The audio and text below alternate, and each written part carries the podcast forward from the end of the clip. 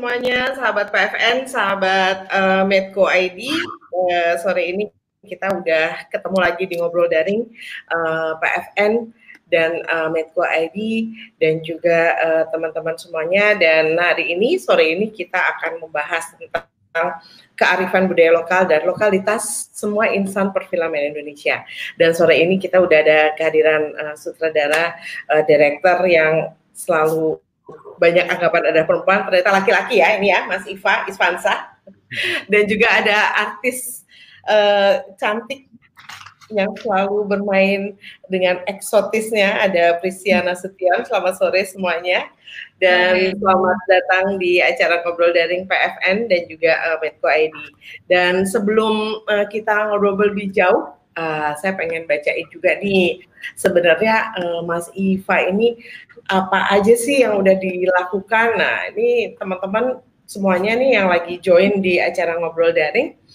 Mas Iva Infansa ini uh, lulus dari uh, Sekolah Indonesia Institute of Art Yogyakarta di jurusan TV. Uh, kemudian uh, beliau juga memulai karir sinema sebagai produser dan director di banyak film-film short uh, film termasuk termasuk Be Quiet, ada Exam is in Progress, dan ini yang sudah masuk ke Tokyo Short Short Competition 2006, kemudian di Half Teaspoon, ini Grand Prize Hong Kong Independent Film Video Award, and Competition IFFR 2008, dan di tahun 2001 uh, beliau memulai uh, perusahaannya For Colors Film dengan beberapa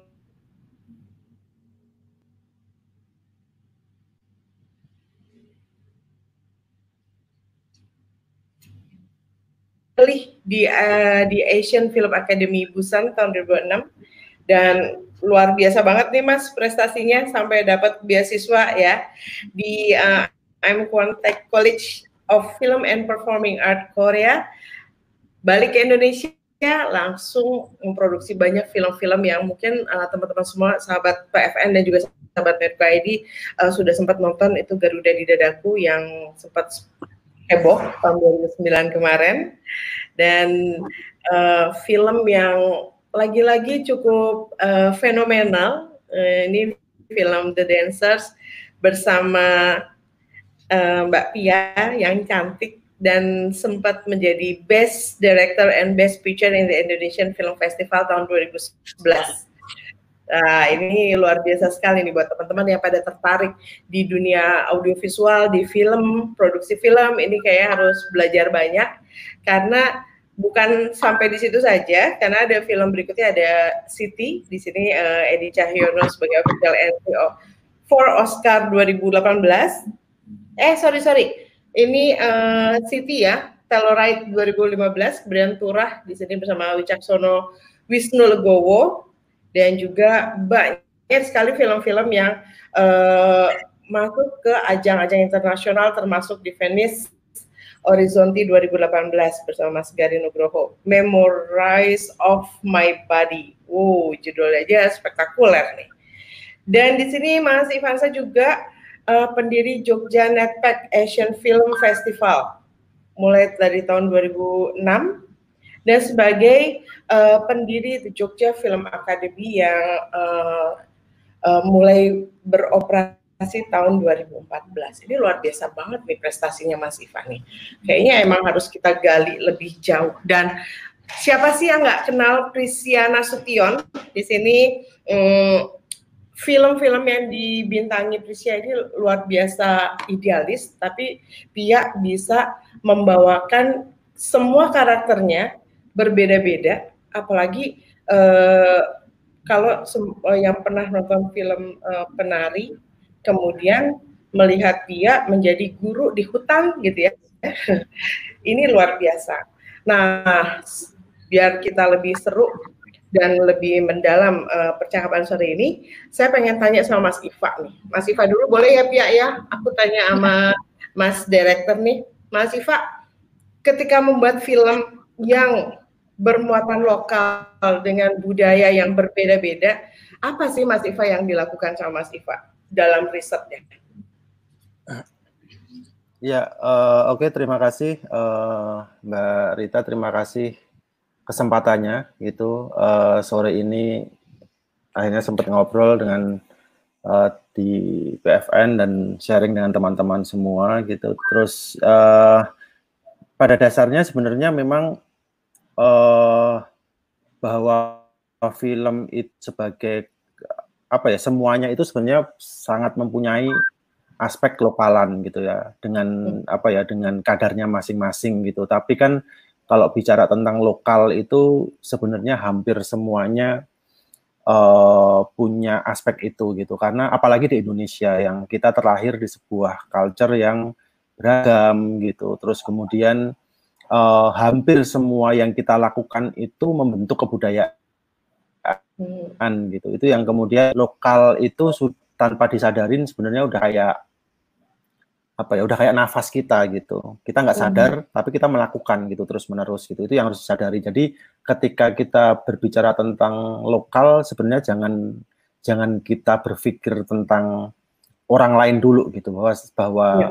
apa bahwa coba deh saya mempelajari orang lain siapa tahu yang kita lakukan ini memang kelokalan gitu uh, apalagi sekarang kalau apalagi sekarang kondisi industri film itu secara teknis juga sangat masuk ke pelosok-pelosok yang sebelumnya tidak pernah bisa terjangkau gitu. Kenapa tidak bisa hmm. pernah terjangkau? Karena film itu bisa dibilang sangat khusus gitu karena memerlukan teknologi yang yang complicated sekali gitu. Misalnya kamera yang besar, kemudian teknis uh, apa film yang juga rumit gitu untuk mendapatkan gambar gitu. Tapi kan sebenarnya kalau ngomongin konteks sekarang uh, kamera digital itu udah sangat mungkin gitu untuk masuk ke semua pelosok-pelosok semua daerah di Indonesia mana pun yang yang bisa dibilang ya mempunyai muatan lokal tadi itu gitu.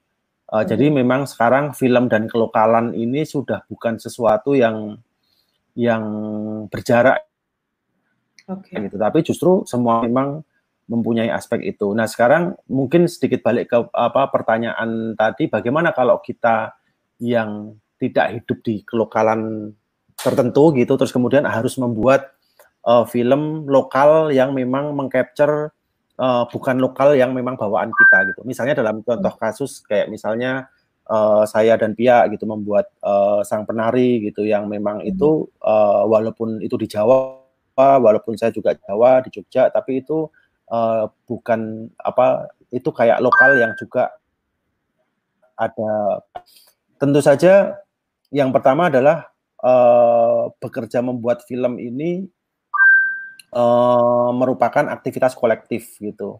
Film itu bukan aktivitas pribadi yang pada saat kita punya visi itu memang kita langsung tuangkan uh, secara pribadi gitu. Misalnya kayak melukis gitu lukis itu sesuatu seni itu lukis bisa sesuatu yang memang apa yang kita inginkan langsung dieksekusi gitu. Tapi film ini banyak sekali aspeknya dan banyak sekali visinya gitu. Balik lagi hmm. untuk apa? Pertama jelas untuk apa film itu uh, kita buat, visinya apa? Dan visi itu biasanya bukan hanya milik sutradara gitu. Visi itu kolektif gitu. Dan biasanya bahkan saya bisa bilang uh, 80 sampai 90% film di Indonesia itu ya visinya produser. Maksudnya kadang-kadang produser yang mayoritas produser yang punya punya visi gitu, uh, produser punya uh, gambaran inisiatif, terus kemudian bekerja sama dengan director gitu. Nah, uh, dalam konteks itu tentu saja dibalikin gitu. Ini ini uh, visi filmnya seperti apa? Kalau visinya ternyata misalnya kayak membuat film lokal di Indonesia, tapi kalau visinya itu visi yang memang lebih ke aspek market, aspek pasar gitu, ya tentu saja yang kita harus memberi mem mencari titik temu gitu. Uh, bagaimana lokal ini yang tetap works dengan dengan market gitu. Misalnya seperti itu. Tapi kalau ada sebuah film yang dibuat untuk misi-misi untuk visi yang lebih ke kebudayaan gitu sebagai uh, visi yang lain tidak begitu memperhitungkan aspek market atau visi-visi personal tentu saja itu pendekatannya berbeda gitu.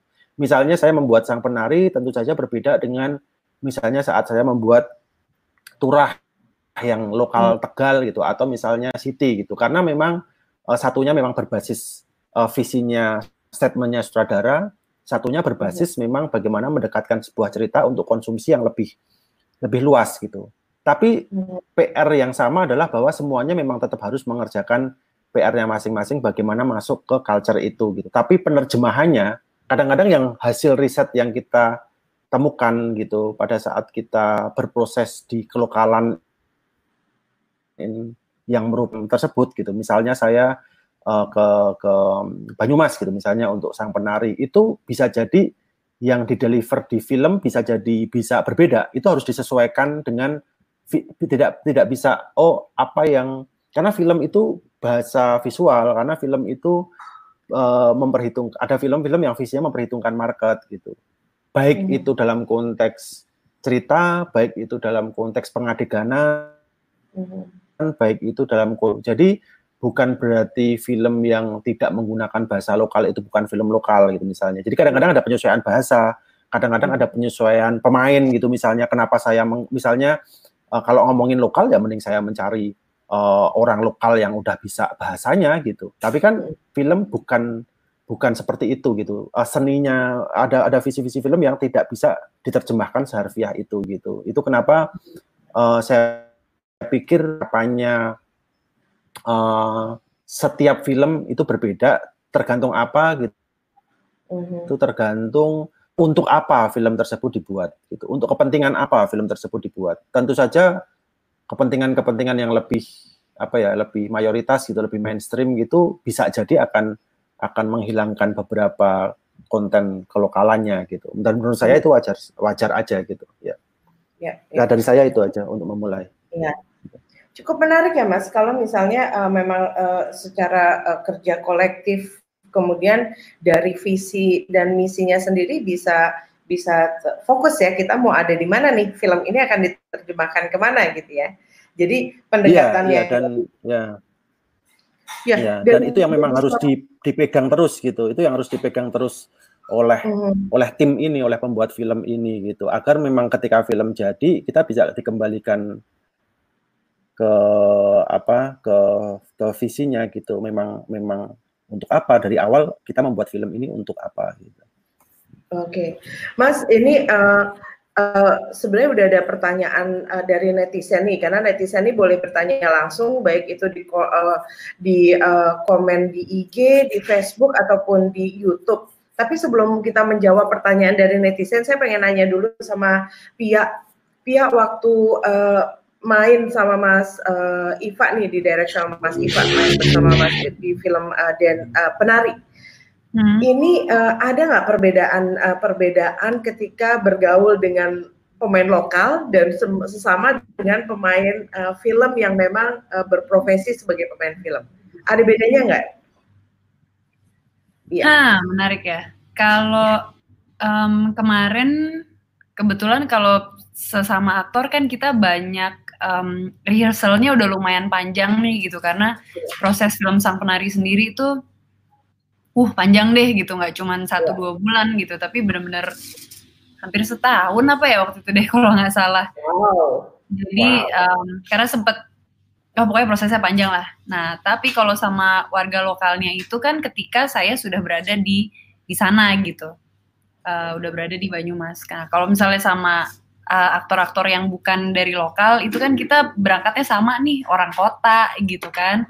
Maksudnya tiap hari lihat gedung juga gitu. Gimana caranya kita nyamain nih sesama orang kota ini untuk kita berubah menjadi orang Banyumas gitu. Nah kalau misalnya uh, dengan aktor lokal yang udah ada di sana um, malah aku dapat banyak sih gitu. Karena kita ini kan berusaha jadi orang sekitar situ yang cuman berapa bulan gitu kan untuk menjadi uh, warga lokal gitu. Sementara mereka udah terlahir lokal uh, di sana gitu. Dan jangan sampai yeah. nanti kalau ada di di bioskopnya gitu filmnya jadi jangan sampai ketahuan oh yang ini yang lokal pasti yang ini yang enggak ini dari Jakarta ternyata ini dari Sumatera gitu kan. Sebenarnya ini maunya tuh ceritanya sama gitu.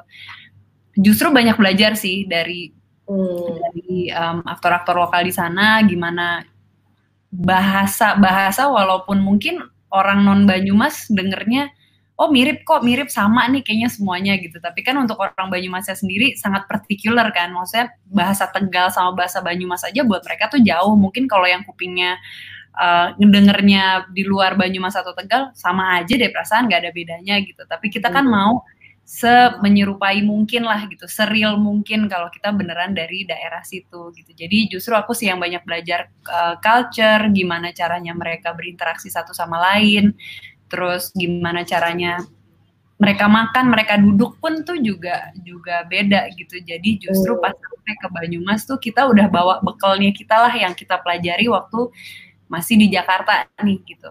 Kita coba terapkan di sana, tapi ya pastinya banyak uh, banyak serapan-serapan juga yang kita ambil dari uh, lokal. Gitu nah, ini ada dua pertanyaan masuk nih. Kayaknya um, mumpung ada Mbak Pia di uh, bareng sama saya sekarang, uh, sebelum Mas Iva jawab, ini dari uh, Ruth underscore Kir. Wah, ini kayak nama Belanda ya, Ruth Kir. Hmm. Pertanyaannya adalah uh, konten lokal apa yang harus dipakai uh, budaya lokal, misalnya bahasa daerah atau pakaian daerah? Itu pertanyaan pertama. Kemudian yang kedua, bagaimana bisa diterima secara nasional dan internasional? Nah, bagaimana Pia menerjemahkan ini Pia dalam uh, acting Pia contohnya di film uh, Penari deh. Hmm, konten lokal apa yang harus dipakai uh, hmm. budaya lokal itu tuh ini kan sudah jelas gitu. Kalau waktu sang penari itu kita berbicara tentang ronggeng gitu. Jadi um, saya bermain sebagai ronggeng gitu. Lalu dari ronggeng itu kan ada ada turunannya gitu. Um, Dia terlahir dari keluarga yang seperti apa?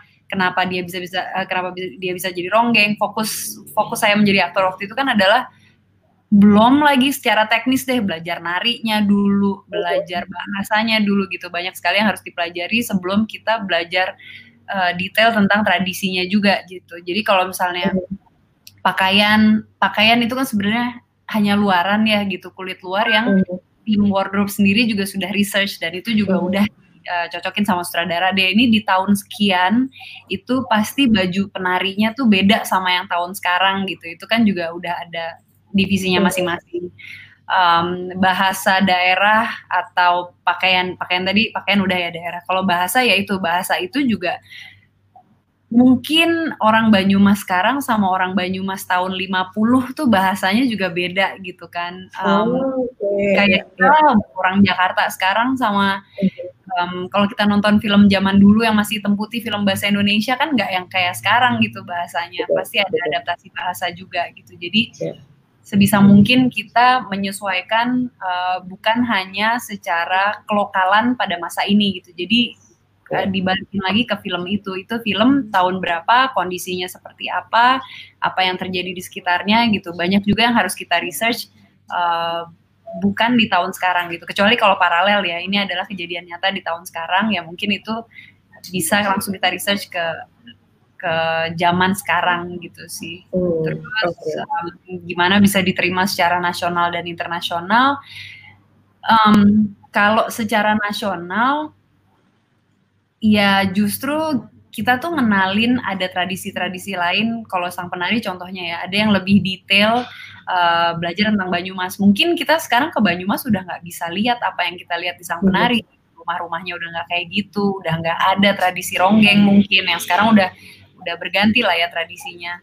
Terus um, dulunya banyak yang buta huruf, mungkin sekarang semuanya udah pada bisa baca gitu. Jadi justru kalau secara nasional ini gimana caranya kita bisa ngelihat lebih dalam kultur yang ada di di negeri kita sendiri gitu. Kalau secara internasional pasti ya, untuk untuk orang Sunda aja mungkin kultur Banyumas tuh sangat sangat beda gitu. Apalagi untuk orang Jepang misalnya waktu itu ditonton di sana atau untuk uh, orang Eropa gitu. Jadi um, penerimaan di internasional mungkin mereka ada juga korelasi uh, korelasi tradisi mereka juga gitu.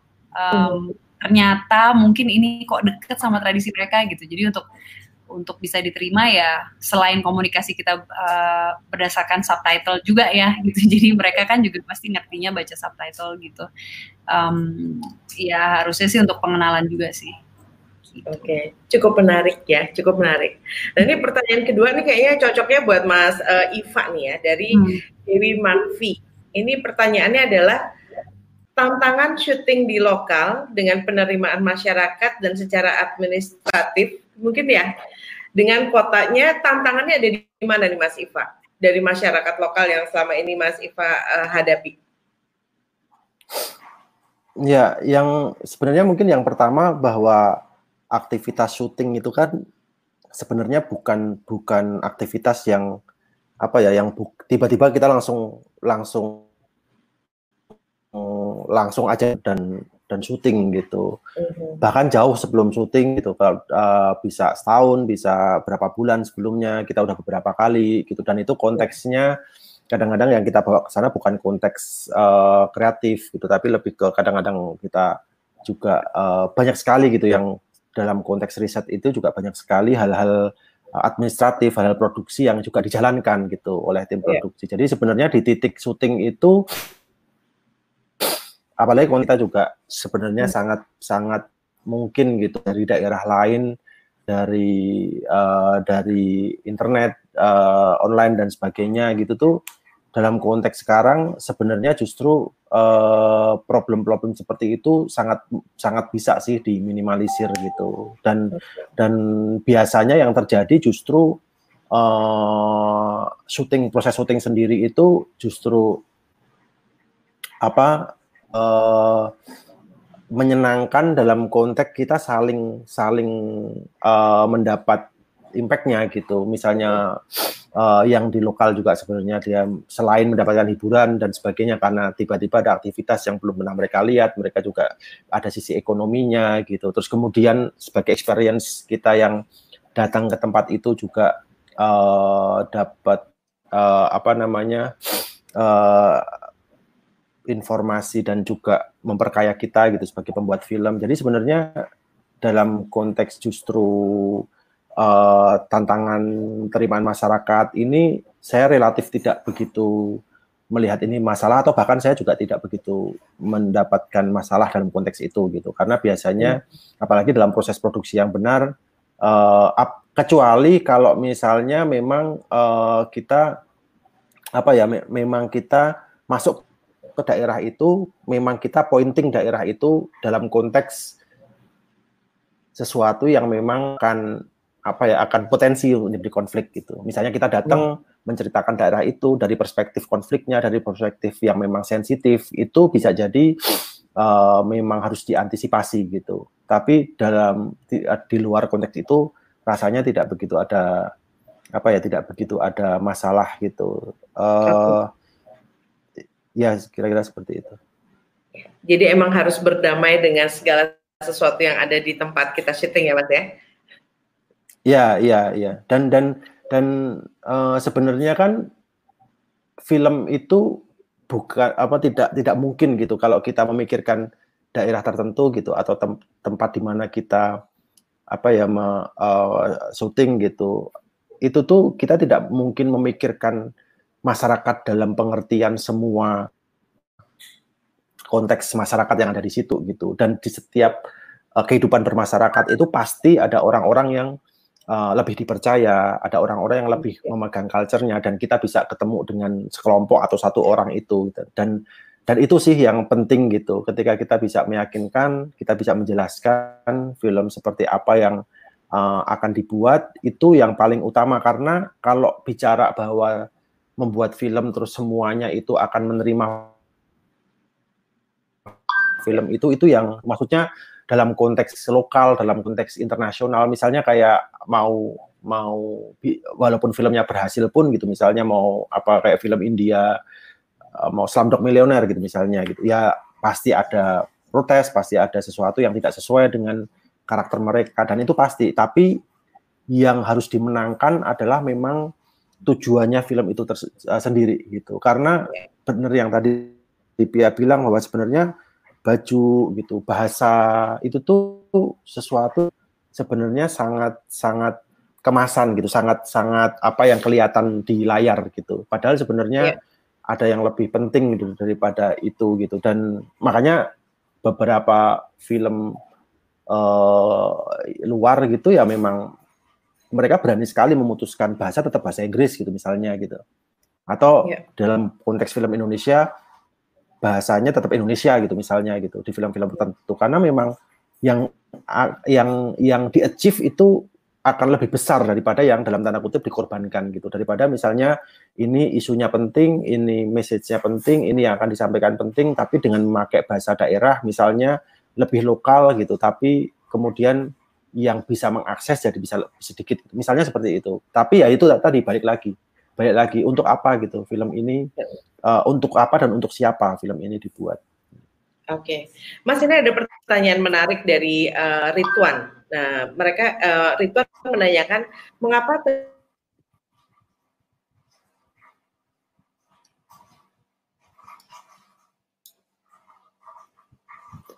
Halo, berhenti ya. Halo. Ya, silakan Mas Iva. Ya, uh, sorry putus-putus tadi, tapi oh, pertanyaan Ridwan nih, saya tahu pertanyaan Ridwan bisa saya baca di sini. Mengapa iya. tema-tema lokal ini penting bagi perkembangan film Indonesia. Nah, yeah. karena itulah sih Indonesia gitu. Karena yeah. karena itulah Indonesia. Maksudnya kalau misalnya ditanya apa sih film Indonesia gitu, itu sampai sekarang juga tidak ada deskripsi yang yang yang pasti karena karena identitas perfilman nasional di setiap negara itu beda-beda gitu. Kalau ditanya apa film Indonesia, ya buat saya jawabannya bukan film yang yang bahasa Indonesia gitu bukan hmm. hanya bukan hanya film yang berbahasa Indonesia tapi Indonesia itu memang dibentuk dari berbagai macam aspek lokal gitu itu yang tadi saya bilang yeah. di awal bahwa semua orang itu punya potensi kelokalannya masing-masing gitu. Jadi tidak ada yang tidak lokal di Indonesia itu. Mau Jakarta pun ya Jakarta itu lokalnya culture uh, di di daerah Jakarta ini gitu misalnya seperti itu. Jadi menurut saya memang itulah Indonesia. Terus kemudian yang kedua teknologinya untuk itu jadi kalau misalnya setiap daerah atau setiap negara atau setiap kawasan itu sadar tentang potensi terbesarnya apa dalam konteks perfilman nasionalnya masing-masing itu akan akan akan menjadi kuat gitu karena film Korea, film Iran, film Amerika dalam konteks ini Hollywood, film Inggris, film Indonesia itu itu beda-beda gitu. Itu harusnya kulturnya beda-beda. Kalau kita pengen misalnya pengen berkembang gitu. Kalau dalam konteks kenapa penting buat perkembangan Indonesia kalau kita berkembang mengacu ke industri film Hollywood karena teknologinya ya nggak akan mungkin sampai sampai kapan pun juga nggak akan mungkin gitu. Tapi kan balik lagi bahwa oh memang potensinya di Indonesia itu uh, macam-macam sekali gitu. Kita punya ribuan bahasa, kita punya ribuan culture gitu. Nah, potensinya di situ gitu. Beda beda lagi dengan uh, sinema nasional mana yang negaranya kecil banget gitu tapi investasinya gede banget gitu jadi definisi perfilman Singapura dengan definisi perfilman Indonesia juga memang harus beda gitu. Film nasional Singapura itu apa? Film nasional Indonesia itu apa? Itu harus beda karena konteksnya beda sekali. Bisa jadi identitas juga ya mas ya. Ini uh, ya ya ada pertanyaan pertanyaan dari Pak Gaga Wahyudi nih, mungkin uh, bisa dijawab secara singkat juga nih sama Mas uh, Iva sebelum saya beralih ke pertanyaan buat Tia. Uh, untuk syuting loka di lokasi masa pandemi gimana nih Mas? Masih uh, menunggu atau kayaknya apa sudah mulai syuting dari Pak dari Gago Wahyudi? Silakan Mas Iva. Ya. Ya. Masih uh, Uh, kebetulan saya baru aja selesai gitu dari webinarnya asosiasi produser dan dalam konteks uh, menyiasati masa pandemi ini gitu. Oh, ya. uh, memang sekarang sekarang ini sampai minggu minggu depan ini itu baru akan ya misalnya memang baru akan dibuka lagi aktivitas uh, ekonomi kreatif gitu. Dan kalau pertanyaannya apakah mungkin dilakukan sudah sudah mungkin dilakukan gitu.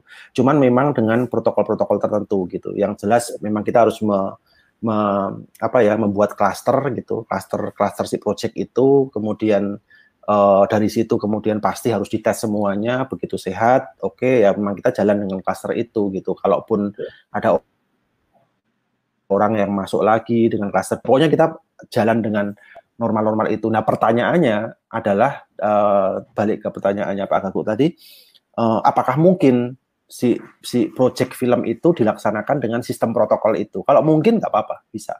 Tapi kalau tidak mungkin, tidak mungkin itu gimana? Misalnya ya kita berpindah-pindah tempat, tiap hari ada tim yang masuk karena tiap hari ada pemain baru apa segala macam dan tidak mungkin ya bisa jadi itu akan susah sekali gitu. Atau ternyata ada lokasi yang uh, atau ada di lokasi yang kita harus datang ke sana dan ternyata di situ ada kasus atau apa itu memang bisa dibilang uh, susah untuk dilakukan. Tapi selama kita bisa menjalankan protokol ini, uh, sebenarnya sekarang sudah sangat mungkin untuk dilakukan. Oke. Okay. Ini ada pertanyaan berikutnya. Ini uh, uh, mungkin buat Pia dulu ya, karena sebenarnya pertanyaannya berhubungan dengan film penari. Kebetulan uh, Mas Iva uh, sutradaranya, direkturnya, Pia pemainnya. Nah ini ada pertanyaan dari Mira underscore Diana. Pertanyaan adalah hal yang paling mengesankan selama syuting sang penari atau sekolah rimba yang melibatkan warga lokal. Nah, silahkan cerita nih Pia. Kayaknya seru semua sih filmnya ya. Nah, yang paling uh, kalau yang mengesankan dari syuting sang penari, well satu itu pertama dan terakhir saya syuting pakai 35. Jadi masih pakai oh, film. Untung okay. banget sih waktu itu. Uh, mungkin nanti Mas Iva bisa cerita uh, lebih detailnya perdebatan hmm. seperti apa kenapa harus ada kenapa harus dari digital tiba-tiba berubah ke Ken gitu cuma buat aku sih it's a blast ya karena uh, sempet ngerasain uh, syuting dengan film tuh seperti apa. Semua tuh di situ bener-bener namanya semua bidang tuh profesional semua gitu. Sampai clapper pun ya nggak boleh keserimpet gitu kan. Kayak sin gitu. Karena kalau nggak makan roll gitu kan. Kalau sekarang mungkin Clapper bisa jadi kayak anak magang dari mana gitu yang kayak sin dua tiga si take berapa? Take eh gitu kan. Kalau kalau zaman dulu hmm, bolo-bolo boleh gitu kalau misalnya uh, roll film. Jadi salah satunya yang paling uh, apa namanya berkesan banget. Um, sorry sorry. Yang paling berkesan sambil ngebrief soalnya. Yang paling berkesan tuh itu um, pakai 35 terus juga untuk kalau untuk persiapannya itu semuanya tuh sangat menyenangkan gitu. Walaupun ini sih yang serunya tuh aku sama Mas Siva kita di awal kan bener-bener diskusi abis gitu. Maksud aku um, mungkin kayak aku punya pandanganku sendiri tentang serintil seperti apa tapi Mas Siva juga pasti punya uh, pandangannya tentang serintil tuh seperti apa gitu jadi aku tuh berusaha gimana caranya uh, kita tuh ngebentuk karakter serintil itu dari dua kepala ini jadi satu gitu. Jadi di kepala Mas Iva serintil seperti ini, di kepala aku serintil seperti ini tuh akhirnya nyambung gitu nggak yang tiba-tiba lah kok serintilnya gitu lah orang versi aku serintilnya gitu gitu. Jadi uh, banyak sekali diskusi dan sedikit perdebatan sama Mas Iva. Tapi itu benar-benar yang aku yang kita lakukan tuh untuk untuk untuk film ini. Semuanya tuh untuk film ini gitu. Adalah yang uh, kita berbahas soal musik waktu itu ya Mas Iva kalau ada masih ada. Jadi kayak kenapa Mas Iva ngambil yang ini? Terus aku ngambek tiba-tiba musiknya dirubah gitu apa segala. Jadi seru banget deh kalau kalau sang penari itu karena mungkin itu film pertamaku juga ya kayak untuk bermain film layar lebar itu my first one jadi bener-bener it was my baby gitu jadi aku bener-bener nge itu tuh sayang banget gitu um, untuk sang penari dan juga tentunya yang serunya lagi adalah aku bisa berkenalan langsung dengan tradisi uh, Banyumas, tradisi ronggeng, tradisi lengger gitu kan. Kalau nggak lewat sang penari mungkin sampai sekarang aku juga nggak ngerti gitu ada tradisi itu. Ngerti cuman kulit luar aja gitu. Pada akhirnya bisa hmm. bisa lebih, lebih dalam. Nah kalau hmm. sekolah rimba, aduh ini juga cerita berbeda sendiri sih. Maksudnya untuk masuknya aja tuh kan susah ya. Bukan cuman lokasi loh ini untuk masuk ke hati uh, anak-anak rimba ini kan juga susah gitu. Karena mereka tuh uh, sering sakit hati juga sama uh, orang luar lah orang kita yang sudah berbaju lah gitu. Sering dianggap bodoh sering dijauhin sering dikerjain dijahatin gitu gitu kan. Jadi mereka sendiri untuk penerimaan kita tuh susah. Nah sementara sementara aku uh, harus menjadi ibu guru mereka gitu. Gimana caranya nih aku orang baru jadi uh, orang yang sangat dipercayai sama mereka. Sementara mereka ngelihat orang baru aja tuh udah langsung antipati gitu kan um, pendekatannya misalnya kita ceritain dia ini film ini apa ya gimana? gitu. Di dalam hutan juga gak ada TV kan pada saat itu. Jadi gimana nih cara pendekatannya? Waktu itu aku bilang sih sama Mas Riri Mas boleh nggak aku datang uh, dua minggu sebelumnya? Karena aku mau interaksi langsung sama mereka, mau belajar bahasa langsung sama mereka supaya ketika uh, kita bisa hidup bareng, aku makan apa yang mereka makan, um, mereka bisa sepercaya itu juga sama aku. Semoga pada saat kita interaksi ini benar-benar nggak ada lagi uh, border gitu antara antara nih si orang kota yang pura-pura jadi bu guru kita gitu. Kita pura-pura jadi murid dia gitu. Pada akhirnya kan nggak nyambung ya gitu. Nah udah sedekat itu pada akhirnya mereka juga udah uh, apa namanya menyerahkan diri sebagai murid beneran pada akhirnya. Karena kan susah ya kalau konsep pura-pura itu seperti apa. Yeah, um, yeah. Buat aku acting mereka tuh juga malah luar biasa karena mereka nggak ada referensi dari TV dari mana pun gitu. Kalau nangis harus begini, kalau marah harus begini gitu tuh nggak ada. Jadi benar-benar mereka pakai rasanya mereka gitu. Ketika aku marah di sini tuh ya mereka berasa bener dimarahin. Lalu ekspresinya tuh kayak bener banget yang bikin aku nangis ya nangis beneran gitu karena ngelihat mereka. Yang paling susahnya adalah saat kita harus berpisah itu sih karena mereka udah menganggap udah menaruh hati ke kita gitu kan anak-anak ini. Dan aku juga juga gitu gitu. Nah pada ujungnya ketika dibilang sebenarnya aku pura-pura jadi guru kalian gitu aku harus pergi lagi. Ah udah itu drama deh. Kayak nangis lah apalah segala macam gitu. Yang susahnya tuh kalau udah bermain dengan lokal tuh attachment itu sih pada akhirnya yang kita udah untuk masuk aja diterima sebagai warga lokal berat gitu kan. Ketika udah masuk hmm. lagi deket-deketnya tiba-tiba harus cabut gitu. Jadi justru bagian-bagian di situ sih yang seru tapi kadang-kadang berat juga. Gitu sih totalitas ya Pia ya? Sangat totalitas. iya karena Iya karena kalau misalnya bisa sih kita cuman ya berdasarkan skrip aja deh gitu. Cuma kan kalau film itu yang kita mungkin orang cuman sekedar ngelihatnya oh itu audio visual gitu. Ada yang bisa dilihat dan ada yang bisa didengar dan cukup gitu. Um, asal ada gambar adalah asal ada suara gitu. Tapi kan sebenarnya media ini lebih dari itu ya. Gimana caranya kita bisa nyampein rasa yang yang uh, kita rasain ke penonton gitu. Jadi penonton ikut ikut terbawa dengan rasa gitu jadi nggak cuma sekedar oh ada gambar ada warna ada suara itulah film gitu jadi nggak cuma sekedar itu gitu jadi ya gimana rasanya nih rasa nyampe lah lewat media layar aja gitu sih. Jadi itu yang harus uh, ada extra effort ini luar biasa sekali nih uh, Pia dengan kesan-kesannya ya selama mengerjakan sang penari dan sekolah rimba.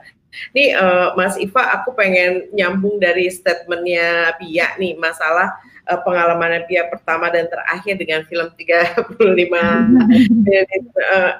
mm nih. Ini uh, kalau yang berkesan buat Mas Iva di sang penari nih apa nih biar Mbak Mira underscore Diana puas nih jawabannya apa nih Mas Iva? Yang paling berkesan kalau Pia tadi dari equipmentnya, yeah, kalau Mas uh, Iva apa? Ya, yeah. Ya, sebenarnya uh, apa ya ada ada ada memang di sang penari itu ada energi yang yang sama gitu. Maksudnya uh, mungkin pertama masuk ke uh, kenapa pakai film tadi gitu dari awal memang masa itu memang sebenarnya masa transisi sih. Iya.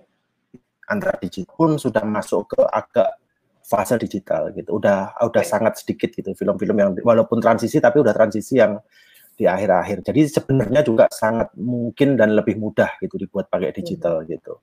Uh, cuma memang dari awal itu uh, saya membayangkan cerita sang penari ini kan cerita yang apa ya sangat sangat sebenarnya sangat uh, genuine sekali gitu. Maksudnya saya pengen hmm. banget mengcapture film ini itu tuh dengan sesuatu yang kalau bisa teknisnya nggak kelihatan nggak kelihatan deh gitu. Kalau bisa okay. orang nggak ngerasain teknologi itu jangan deh gitu. Bahkan saya nggak mau hmm. ada kayak oh ini uh, jadi nah mau untuk mendapatkan itu ya memang uh, apa rasanya itu saya pengen banget achieve itu pakai film gitu karena ketika dengan film itu kita acting dan sebagainya itu saya bisa nangkep lebih natural dan orang jadi nggak kepikiran kayak aduh gambarnya bagus gitu. Atau aduh ini uh, resolusi apa itu tuh udah nggak dibicarain. Tapi intinya memang yang lebih di depan itu rasa gitu. Sedangkan technical itu bisa nggak terfikirkan. Itu kenapa saya pengen banget achieve dan akhirnya itu juga yang membuat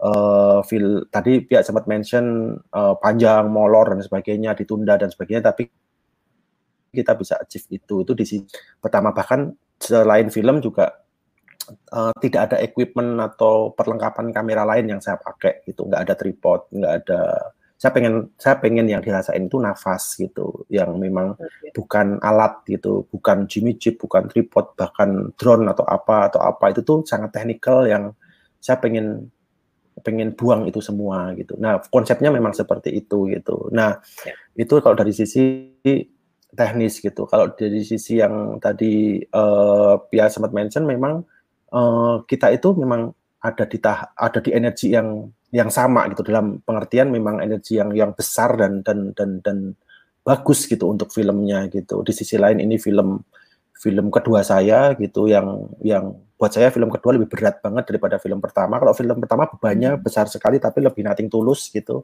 Tapi kalau ini film pertama tapi ya sebagai pemain yang justru memainkan karakter yang semua orang nunggu gitu. Film kan mm -hmm. bukan filmnya bagaimana gitu, tapi siapa serindilnya, siapa serindilnya, siapa serindilnya gitu. Eh siapa serindilnya gitu. Dan mereka pasti akan menyebut nama-nama yang gak asing. Tiba-tiba muncul Cristiano Sutiono, nah, siapa orang Batak apa segala macam. Kok Iva milih itu? Itu tuh di belakang kedengeran sekali dan dan dan saya nggak nggak mau tahu gitu. Justru saya punya challenge Pia bukan penari, Pia pesilat gitu. Terus kemudian dia buka Jawa karena dengan kita bisa berproses bersama gitu. Yeah. Nah terus memang ada energi yang yang sama-sama kencang gitu yang yang karena untuk yang terbaik untuk film ini. Di Sang Penari memang saya tidak menuntut Pia untuk berakting gitu. Bayangin uh, di film pertamanya dia saya tuntut Pia untuk menjadi Serindil, bukan berakting sebagai Serindil, tapi menjadi becoming mm it's really different gitu sama acting gitu. Jadi saya saya tuntut, yang saya tuntut itu becoming gitu, bukan acting yeah. gitu. Nah di titik itu, itu kan saya sebagai saudara harus melihat ini dia masih acting atau ini dia udah jadi ya. Jadi misalnya saya berantem sama pihak dia minta ganti musiknya, dia minta ini, minta ini. Di sisi lain saya coba bertahan, saya coba. Tapi setelah itu saya mikir, ya kalau dia memang udah jadi serindil, ya memang wajar dia melakukan bukan itu gitu. Dan itu yeah. saya udah percaya bahwa dia udah jadi. Itu prosesnya sebenarnya udah enak banget.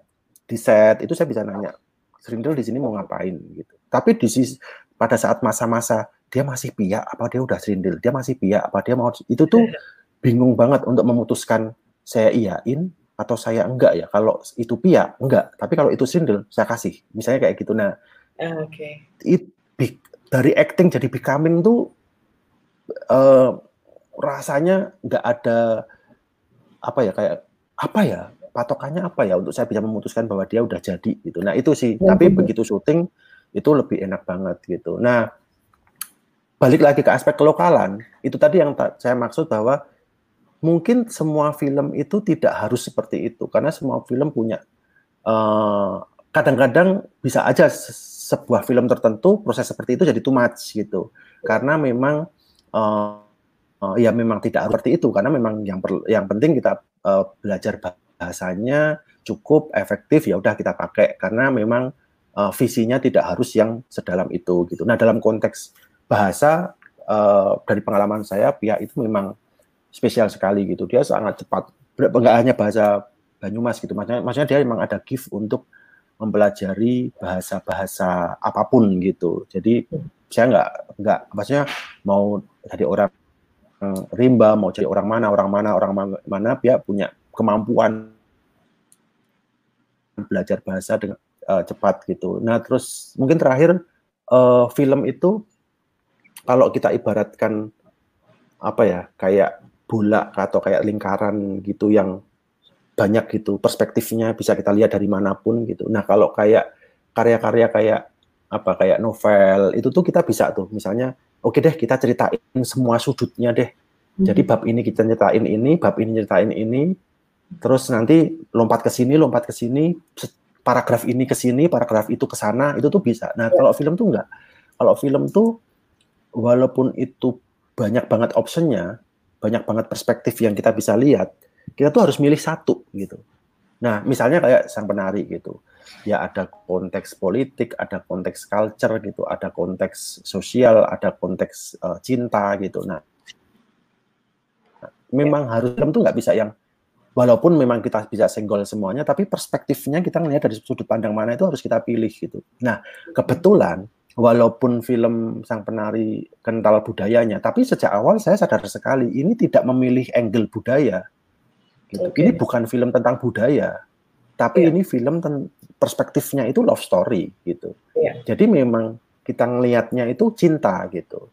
Yeah. Ya kebetulan terjadi kisah cinta yang terjadi dalam konteks yang di masa itu, dalam culture itu dan sebagainya. Jadi itu kenapa sebenarnya uh, sebenarnya uh, dari awal saya sudah membayangkan bahwa uh, dan itu berimpact kan dalam pemilihan pemain dan bagaimana dalam iya. pemain mendeliver karakter apa segala macam itu berimpact gitu. Karena memang mau mau justru bisa jadi film itu kalau memang visinya ke situ bisa jadi jadi walaupun film itu di dalam tanda kutip dianggap tidak berhasil, kalau misalnya memang terlalu berbau kultural sekali yang menjadi pada saat diputar di bioskop orang jadi berjarak karena tidak berjarak dengan culture itu misalnya. Karena mau harus kita akui penonton bioskop yang datang sekarang ke bioskop itu anak-anak muda 20 tahun, 25 tahun yang nonton juga pengen ya sambil nonton popcorn gitu, pengennya juga nggak pusing gitu. Nah, bagaimana film-film yang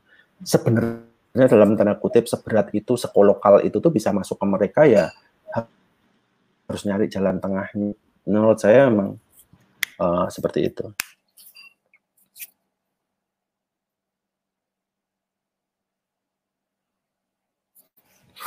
Berhenti kayaknya ya. Itu bisa terjawab ya barusan ya. Ayo. Dan esensinya oh, bisa dijawab yang barusan diterangkan sama Mas Iva. Nah ini kalau dari Mas Andi nih, uh, Mas Andi underscore Dian, kenapa ya film-film tema lokal itu sepi penonton, padahal banyak film terutama lokalitas itu sukses di festival internasional. Bagaimana strategi untuk mengatasi itu? Nah, ini apa nih Mas? Kan dari dari film-filmnya Mas Iva itu uh, koleksi awardnya banyak banget gitu ya, tapi uh, apakah benar nih? Ini ada ada paradigma statement bahwa film bertema lo, uh, lokal itu sepi penonton. Apakah benar atau ada uh, komentar Mas Iva? Silahkan. Ya, yang pertama itu kondisi yang wajar di semua industri film mana pun itu kondisi yang wajar dan saya garis bawahi tidak akan pernah situasinya itu terbalik gitu. Itu tidak akan pernah gitu. Maksudnya ya tidak ada tidak akan pernah gitu dal, kalau kita ngomongin arus utama sungai gitu besar terus kita punya arus pinggiran kecil itu tuh nggak akan pernah bahwa tiba-tiba itu bergeser gitu jadi itu sesuatu yang uh, saya garis bawahi lagi bahwa ya, memang hal itu terjadi tapi itu sebenarnya bukan sesuatu yang masalah yang memang harus kita balik situasinya itu enggak karena memang itu wajar gitu kenapa karena memang bagaimanapun yang bisa membuat industri ini establish itu adalah penonton. Dan penonton itu secara mainstream itu memang suka arus utama itu tadi gitu. Kalau ngomongin market gitu ada ada yang namanya mass market, market yang mass mass masif gitu, ada yang tip tuh. Nah, pada saat kita akan membuat film, kita udah tahu memang market kita tipis gitu. Tapi kan memang film ini kebetulan yang film yang kita buat ini memang tidak di drive oleh pasar gitu. Bahwa oh pasarnya sedikit terus kita nggak usah bikin film. Oh nggak karena memang ini pilihan-pilihan yang uh, visi membuat filmnya udah berbeda gitu. Karena hal-hal yang tujuannya jadi pada saat itu terjadi sebenarnya kita harus paham dulu bahwa itu tidak um, masalah ya. Yang gitu tetap kita butuh butuh arus utama yang itu akan akan membentuk arus-arus arus-arus kecilnya gitu. Yang saya lakukan atau yang dilakukan film-film uh, kecil atau film lokal itu bukan melawan arus, tapi itu adalah arus yang ke arah yang sama, tapi cuma berlawanan aja gitu, atau cuma berbeda aja apa arus yang lebih kecil aja. Tapi yang namanya arus kecil itu adalah air.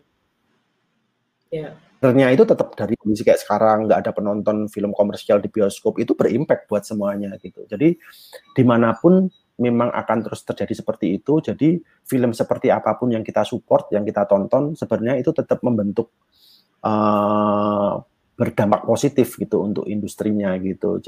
Dan film uh, produser-produser yang membuat film-film lokal yang membuat film personal, yang membuat film-film dalam tanda kutip tidak komersial ini sebenarnya bahwa filmnya itu marketnya sangat tipis karena semua produser itu punya proyeksi, semua produser itu punya skema gitu. Tidak akan mungkin uh, saya istilahnya uh, saya membuat film local city tapi saya memang aimnya 2 juta penonton, satu juta penonton itu nggak akan pernah mungkin gitu. Atau sama aja kalau dianalogikan makanan gitu, uh, kalau memang kita uh, bikin gorengan itu bikin tahu goreng itu pembuat tahu goreng itu sudah tahu. Dia nggak akan mungkin untuk tiba-tiba punya aim jualan tahu gorengnya itu di di tempat lapaknya pizza atau lapaknya hamburger gitu. Itu udah tahu gitu. Tapi bukan tidak mungkin gitu. Yeah. kalau memang kita pengen jualan kalau memang kita suka bikin tempe goreng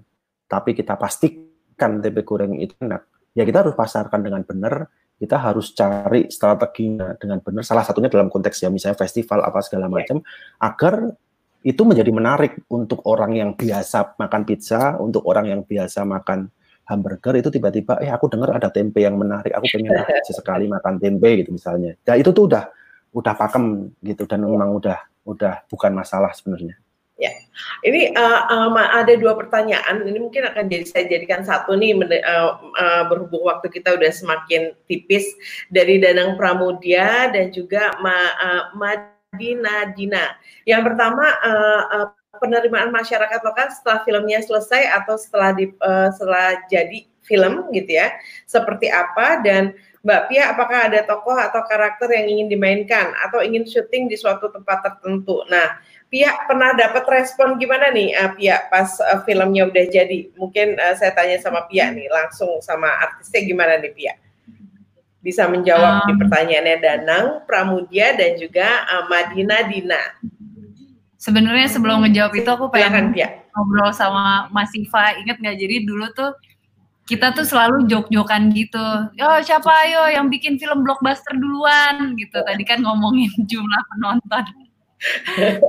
Terus juga banyak yang bilang uh, Pia main film apa lagi sih? Pasti yang dimainin filmnya Pia itu yang nggak ada yang nonton itu loh. Pasti gitu. Pasti kayak itu tuh jadi kayak joke kita sendiri Mas Siva kayak siapa udah bikin udah ada belum film blockbuster gitu-gitu sih jadi sebenarnya itu iya. jokin jadi PR-nya kayaknya kita harus ya PR-nya jadi PR-nya jadi kita emang harus bikin film bareng tapi yang blockbuster. Itu deh itu. Kalau pada saat itu kan aku cuma sebagai pemain jadi blockbuster nggak blockbuster bukan urusan aku dong gitu. Yang penting kan uh, aktor mendeliverkan ini secara baik gitu. Uh, apa namanya mendeliverkan karakternya secara baik gitu. Nah urusan blockbuster atau enggak kita sebagai pemain lah sebagai aktor cuma bisa bantu broadcast lah bantu apa gitu kan bantu promo dengan baik yang pusing kan produser sebenarnya jadi itulah tugas Mas Iva pada akhirnya sebagai produser. Tapi pernah nggak dong mas bikin film blockbuster mas? Pia penasaran aja Pia ketemu sama uh, suku anak dalam atau sama orang-orang Banyuwangi ketika melihat Pia atau setelah filmnya diputar di bioskop responnya mereka kayak apa sih Pia? Sebenarnya tuh aku tuh senengnya malah ketika yang nonton itu udah nggak ngelihat aku tuh bukan manggil aku Pia lagi ya atau bukan manggil aku Prisia lagi gitu. Tapi yang dipanggil justru Serintil gitu atau enggak uh, ke, apa uh, Bu Guru Butet gitu. Jadi di situ aku berasa kalau pianya nggak kelihatan nih sama orang-orang gitu. Justru uh, mereka sadarnya adalah si karakterku. Aku tuh kalau misalnya orang lupa sama namaku tuh aku malah nggak apa-apa banget gitu kayak yes berarti mereka nggak nggak lihat aku di sini gitu. Mereka nontonnya beneran sebagai serintil atau seben, uh, sebagai kabutet gitu sih. Wow, luar biasa ya. Jadi memang uh, ini uh, teman-teman sahabat KFN dan sahabat Mediacom ID ini uh, luar biasa sekali pengalamannya Mas Iva dan juga uh, Prisia Nasution selama proses pembuatan film-film uh, Indonesia yang banyak mengangkat ataupun berlatar belakang kearifan lokal dan terus terang totalitas Mas Iva dan Prisya uh, cukup uh, layak mendapat uh, untungnya saya punya jempol empat nih Mas. Kalau saya punya jempol lima mungkin lima lima ya saya acungin nih buat Pia sama Mas Iva. Karena tapi, Tapi ini sekalian nih buat ngejawab uh, Mediana nih uh, mau tokoh boleh, apa boleh. yang dimainin syuting tertentu. Hmm. Nah, nih Mas Iva coba kalau di challenge kita syuting tentang Papua di pendalaman Papua yang udah lama nggak kesentuh juga gitu, tapi blockbuster Mas. Gimana tuh caranya tuh? Nah kayaknya cocok tuh kita syuting di masa-masa COVID kayak gini nih. Kita karantina di sana aja. mudah-mudahan uh, mudah-mudahan uh, ini apa namanya dengan dengan kita bisa uh, uh, bisa uh, berbagi pengalaman seperti ini semakin banyak teman-teman di daerah semakin banyak juga sineas-sineas muda mungkin bahkan yang minat untuk menjadi movie maker di Papua bisa dengar Pia dan Mas ini jadi istilahnya um, ini yang uh, menjadi harapan besar uh, untuk film Indonesia ya. Jadi saatnya untuk bangkit dan uh, film Indonesia dengan kelokalan yang tadi dimention sama Mas Iva luar biasa banyaknya bisa jadi uh, bisa jadi uh, uh, benar-benar stepping stone kita salah satu momentum untuk memajukan film Indonesia ya apalagi di masa pandemi seperti sekarang dan teman-teman semua yang tadinya belum uh, bisa uh, lihat dan mendengar pengalaman langsung Mas Iva dan juga Prisia dengan adanya kita ngobrol dari ini bisa mendengar dan bisa uh, berkontribusi untuk uh, kebaikan film Indonesia. Dan terima kasih banget nih Mas Iva, mungkin ada satu closing statement nih uh, dari Mas Iva atau Mbak Prisia Nasution tentang harapan untuk film Indonesia. Silahkan Mas, kita masih punya dua menit. Silahkan. Ya, uh, kalau dalam konteks yang sekarang ini sih harapan saya benar-benar orang atau masyarakat Indonesia ini masih percaya gitu ya sama bioskop gitu, masih percaya untuk menonton film datang ke bioskop dan ya.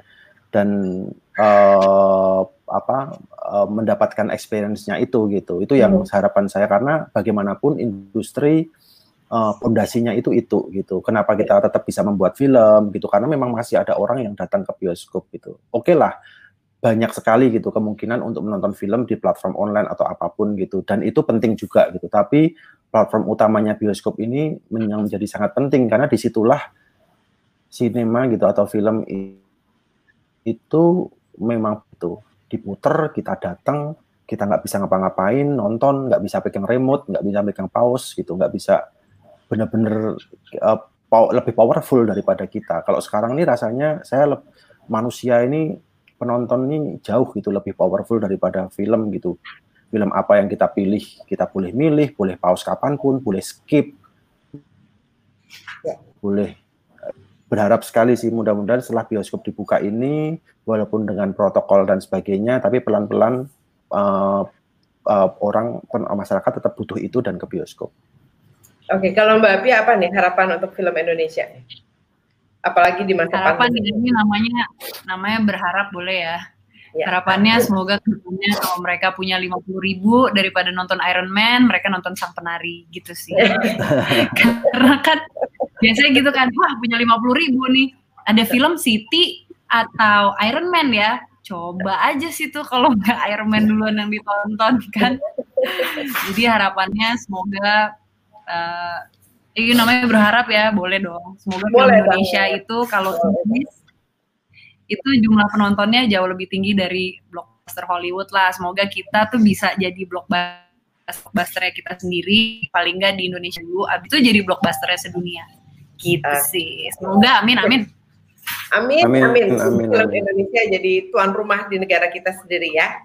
Oke nih, uh, terima kasih banget buat Mas Iva dan Mbak Prisia atas waktunya di ngobrol daring dan uh, saya juga mengucapkan terima kasih buat semua yang bertanya. Tadi ada Rutker, ada Dewi Makfiro, ada Ridwan, Gago Wahyudi, ada Mira Diana, ada Jim Jan, ada Andi Dian, Danang Pramudi dia juga. Dan uh, yang terakhir Mardian Dina. Terima kasih pertanyaannya.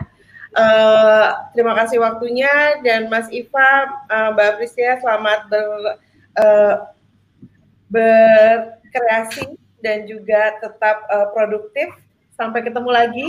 Mudah-mudahan nggak bosan diundang dan sampai ketemu di ngobrol daring selanjutnya. Untuk sahabat uh, Medco ID dan sahabat PN Selamat sore. Ya, kasih semuanya. Ya, Selamat ya, makasih.